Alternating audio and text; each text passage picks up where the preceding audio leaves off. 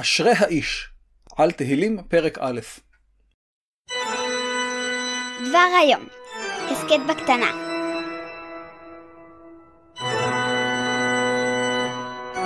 ג'ינג'י לעסק, לעסק. שלום וברוכים הבאים לדבר היום, הסכת בקטנה. י"ד בתשרי, ולא ט"ו בו, בשל מאזיננו המנועים מהאזנה בט"ו בחודש. שנת 2606 לעליית אסטיאגס מלך מדי לכס. שם הפרק, אשרי האיש, על תהילים פרק א'. אני דוקטור אילן אבקסיס. אוטוטו סיור המאזינים. גם הפרק הזה זמין במלואו למנויים העיקריים. מזמור א' בספר תהילים דן בשאלה מהי הדרך המוסרית בה צריך ללכת האדם. מזמור זה מסווג כמזמור תורה, בלשון הוראה, ברכה או חוכמה. ההשוואה בין הצדיק והרשע נפוצה בספרות החוכמה. קביעת המזמור בראשית הספר מעבירה מסר מאוד חשוב מבחינת עורכי ספר תהילים. הליכה בדרכי אדוני היא העיקר. זו הצהרת כוונות. הצדיק מקבל את גמולו. זהו מסר חשוב, כי רוב הספר הוא מזמורי תלונה על מר גורלו של האדם. בואו ונקרא את המזמור. ציטוט: אשרי האיש, אשר לא הלך בעצת רשעים, ובדרך חטאים לא עמד, ובמושב לצים לא ישב. כי אם בתורת אדוני חפצו, ובתורתו יהגה יומם ולילה. והיה כעץ שתול על פלגי מים, אשר פריו ייתן בעיתו, ועלהו לא ייבול, וכל אשר יעשה, יצליח. לא כן הרשעים, כי אם כמוץ אשר תדפנו רוח. על כן לא יקומו רשעים במשפט, וחטאים בעדת צדיקים. כי יודע אדוני דרך צדיקים, ודרך רשעים תאבד. סוף ציטוט. באמת מזמור יפה. נתחיל לנתח אותו. המזמור נפתח במילה אשרי. הכוונה היא מאושר. מי המאושר? האיש אשר יעשה זה וזה. ומיד עולה השאלה, מדוע צריך להזכיר לצדיק כי הוא מאושר? כי הוא לא. הצדיק הסובל, איוב הוא הדוגמה המוכרת ביותר, פזור במקרא. כך ירמיהו, ציטוט: צדיק אתה אדוני, כי אריב אליך, אך משפטים אדבר אותך. מדוע דרך רשעים צלחה? שלו כל בוגדי בגד. סוף ציטוט. מיד לאחר מכן, יש שלוש תקבולות המחוברות זו לזו. תקבולת היא אמצעי שירי נפוץ מאוד במקרא, וגם בספרות אוגרית. הרעיון הוא פשוט, לחזור על אותו דבר בשני אופנים שונים. הגיוון של הרעיון בשני אופנים שונים גם מדגיש אותו, וגם מקנה לאמירה יופי פיוטי. שימו לב לתקבולות. אשרי האיש אשר, פה מתחילות התקבולות, לא הלך בעצת רשעים, ובדרך חטאים לא עמד, ובמושב לצים לא ישב. לא הלך מקביל ללא עמד, שמקביל ללא ישב. ואילו עצת רשעים מקבילה לדרך חטאים, שמקבילה למושב לצים. במקרה שלנו, הצדיק נמנע ממעשים מסוימים. הוא לא הולך בעצת רשעים, כלומר עצות זהב במרכאות, של כל מיני נשמות טהורות, שוב במרכאות, המסיתות אותו מדרך הישר, הוא לא עומד בדרך החטאים, ואם הוא כבר שם, אז שיתרחק מהר, והוא לא יושב במושב לצים. כלומר, אלה שחייהם הם, הם צחוק ושעשוע, ולא עבודה וחריצות. מותר ורצוי לצחוק כמובן, אבל לא על חשבון העבודה והשקדנות. ללכת אל הנמלה ולא אל הצרצר. שימו לב למדרג הפעלים, ללכת, לעמוד, לשבת. מהפעיל אל הפעיל פחות. בניגוד לאומללים שחוטאים, הנה הדרך הראויה לצדיק. כי אם בתורת אדוני חפצו, ובתורתו יהגה יומם ולילה. שוב תקבולת בין תורת אדוני לתורתו, ובין חפצו לבין יהגה יומם ולילה. הצדיק מעוניין בתורת אדוני במובנה הרחב ביותר. דהיינו, קיום חוקי התורה ומצוותיה, בין אדם למקום ובין אדם לחברו. לקיים וללמוד. זה מזכיר את דברי האל ליהושע, ציטוט, רק חזק ואמץ מאוד, לשמור לעשות ככל התורה אשר ציווך משה עבדי. אל תסור ממנו, ימין ושמאל, למען תשכיל בכל אשר תלך. לא ימוש ספר התורה הזה מפיך, והגית בו יומם ולילה, למען תשמור לעשות ככל הכתוב בו, כי אז תצליח את דרכיך, ואז תשכיל. סוף ציטוט.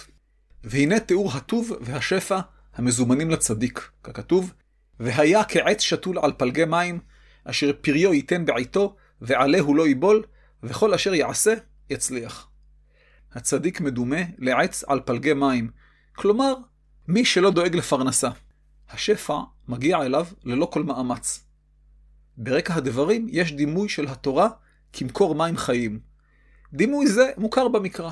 למשל, אצל ירמיהו הנביא, ציטוט, כי שתיים רעות עשה עמי, אותי, את אלוהים הכוונה, עזבו מקור מים חיים, לחצוב להם בורות בורות נשברים, אשר לא יכילו המים. עבודת אלילים הכוונה. סוף ציטוט.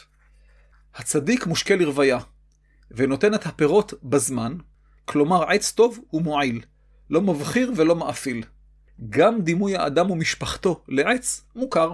למשל, שיר המעלות בתהילים קכ"ח, ציטוט: אשתך כגפן פוריה בירכתי ביתך, בניך כשתילי זיתים סביב לשולחניך. סוף ציטוט. ואחרי כל השפע הזה נכתב, וכל אשר יעשה, יצליח. בחור מוצלח באופן כללי. בניגוד אל הצדיק המוצלח, עומד הרשע הכושל. לא כן הרשעים, כי אם כמוץ אשר תדפנו רוח. הרשעים הם מוץ שהרוח מעיפה, דבר שולי וחסר ערך. מוץ הוא קליפת גרעין החיטה. בימי קדם, לאחר שהפרידו את הגרעין מקליפתו באמצעות הדיש, זרו, העיפו את גרגירי החיטה באוויר, הגרגירים הכבדים נחתו על הקרקע, והמוץ הקל עף ברוח. היום אגב, אוספים את המוץ, אורזים אותו יפה, ומוכרים אותו בחנויות טבע, מה שנקרא סובין. אבל תמיד יכולות לקרות תקלות בחיי הצדיק. במקרה זה, על כן לא יקומו רשעים במשפט, וחטאים בעדת הצדיקים. המשפט הוא משפט האל. כלומר, אם המתואר לא יתממש, עת שתול על פלגי מים, מוץ אשר תדפנו רוח וכיוצא בזה, הרי ביום הדין הרשעים יבואו על עונשם. אלוהים כבר יטפל במנוולים הללו. על מנת לחזק את המסר, הנה משפט הסיום. כי יודע אדוני דרך צדיקים, ודרך רשעים תאבד. יש דין ויש דיין. דרך הרשעים, גם אם נראית טובה עכשיו, היא מוליכה לאבדון. אלוהים יודע מי צדיק ומי לא. המזמור מתמודד עם בעיה גדולה, חריפה וחמורה, תורת הגמול. המצב האידיאלי, עליו מתבססת תורת הגמול הקלאסית, הוא שכל אדם מקבל גמול לפי מעשיו. צדיק וטוב לו, רשע ורע לו. פשוט. איך יודעים אם טוב לאדם או לא? יש שני מדדים בהם נבחן עניין הגמול. מצב כלכלי ואריכות ימים. הצדיק צריך להיות עשיר וקשיש, ואילו החוטא צריך להיות דלפון וקצר ימים.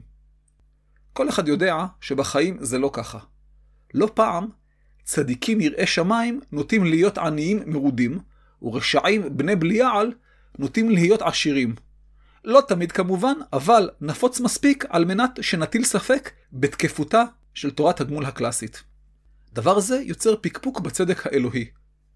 מה הפתרון? תורת גמול דחויה.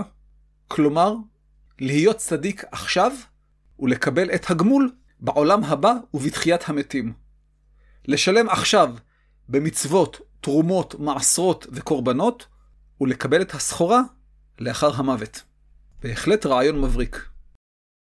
המזמור הזה אינו מצהיר במפורש על גמול דחוי, אלא מתחכך ברעיון הזה. לך בדרך הישר, ובכל מקרה, במשפט האל, הכל יסתדר.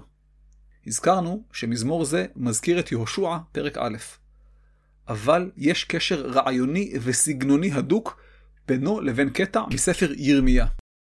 כה אמר אדוני, ארור הגבר אשר יבטח באדוני, ושם בשר זרועו, ומן אדוני יסור ליבו. והיה כערער בערבה, ולא יראה כי יבוא טוב. ושכן חררים במדבר, ארץ מלאכה, ולא תשב. ברוך הגבר אשר יבטח באדוני, והיה אדוני מבטחו. והיה כעץ שתול על מים, ועל יובל ישלח שורשיו, ולא יראה כי יבוא חום, והיה עלהו רענן, ובשנת בצורת לא ידאג ולא ימיש מעשות פרי. סוף ציטוט. מול אשרי האיש אשר לא הלך, שלוש נקודות, עמד, שלוש נקודות, ישב, שלוש נקודות, בתורת אדוני, עומד ארור הגבר אשר יבטח באדם. מול, והיה כעת שתול על פלגי מים, אשר פריו ייתן בעיתו, ועלהו לא ייבול, עומד, והיה כעת שתול על מים, ובשנת בצורת לא ידאג, ולא ימיש מעשות פרי. ומול, כי אם כמוץ אשר תדפנו רוח, שלוש נקודות, כי יודע אדוני דרך צדיקים, עומד כערער בערבה, שלוש נקודות, ושכן חררים במדבר, ארץ מלאכה ולא תשב. הקרבה הרעיונית והסגנונית הרבה בין תהילים לירמיהו, מעלה שלוש אפשרויות. אחת, מחבר תהילים הכיר את ירמיהו ויהושע, והושפע מהם. בסוגריים אומר רמז לזמן כתיבת המזמור אחרי חורבן בית ראשון. 2. ירמיהו או תלמידיו הכירו את המזמור והושפעו ממנו, כלומר התיארוך מוקדם יותר. 3. שניהם הושפעו ממקור שלישי כלשהו. לאלוהים הפתרונים. זהו, עד כאן. אשרי האיש על תהילים פרק א'. תודה לכם שהאזנתם, ותודה שעשיתם מנוי. תודה לחברי מועצת החכמים, אבי הרטמן, חיים ארמון, אלון גלוסקה, אלי לבנה ודודי שטיינר, שלא ישבו במושב ליצים. אנא סמנו אהבתי בדף הפייסבוק וברשומות השונות, שתפו והפיצו את שם ההסכת ברחבי החלד והיקום, והמריצו את חבריכם לנהוג כמוכם, ותבוא עליכם הברכה. הגידו בגת, ובשרו בחוצות אשקלון, שתשמחנה בנות בית ניר, שתעלוזנה בנות גלאון. הדואל הוא אילן כרוכית abc.co.il.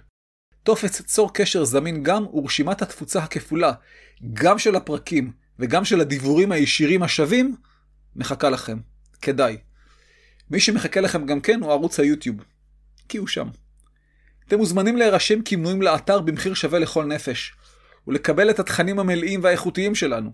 אודה לכם מאוד, אם תפיצו את שמעי בקרב מכריכם, ותיעדו אותם על האפשרות להירשם כמנויים באתר. ספרו להם על התוכן האיכותי והמשובח שנבנה פה, בעמל רב, אריח על גבי לבנה.